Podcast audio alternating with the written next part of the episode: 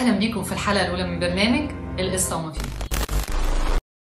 العالم كله دلوقتي ملوش سيرة غير كورونا والأرواح اللي حصدها ولسه بيحصدها كورونا. مع إن بقى لو رجعنا للتواريخ والأرقام هنلاقي إنه لحد دلوقتي هو أقل وباء سبب خسائر. عندك مثلا الطاعون الأنطوني سنة 165 واللي بسببه كان بيموت حوالي 2000 شخص كل يوم وتقدرت الوفيات وقتها ب 5 مليون شخص. وبسببه انهارت الإمبراطورية الرومانية. كمان الطاعون الأسود أو زي ما سموه الموت الأسود لأنه قدر في سنوات قليلة إنه يقتل حوالي 25 مليون بني آدم يعني ثلث سكان أوروبا.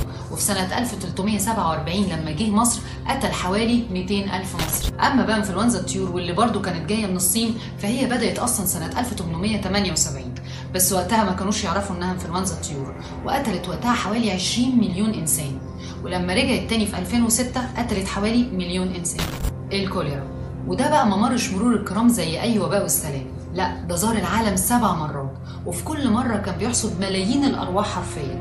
وبالرغم إنهم اكتشفوا له لقاح سنة 1885 إلا إن الوباء مستمر لحد دلوقتي. وكل سنة بيحصد ما بين 21000 ل 144000 حالة وفاة في العالم. أما الملاريا فهي طفيل بيتنقل عن طريق الناموس.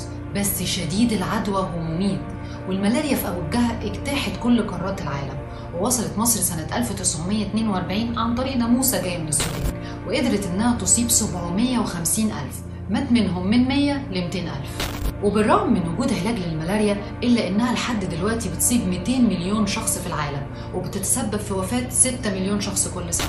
نيجي بقى للإنفلونزا الأسباني سنة 1918 ودي بتعتبر أسوأ كارثة طبية في التاريخ لأن اتصاب بها ثلث سكان العالم ومات حوالي 50 مليون بني آدم.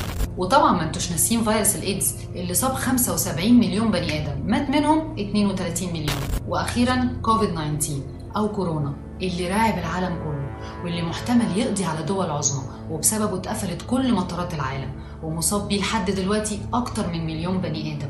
ولسه العداد عمال يعلى. يا ترى هنفوق من الكابوس ده قريب ولا لسه معانا وقت؟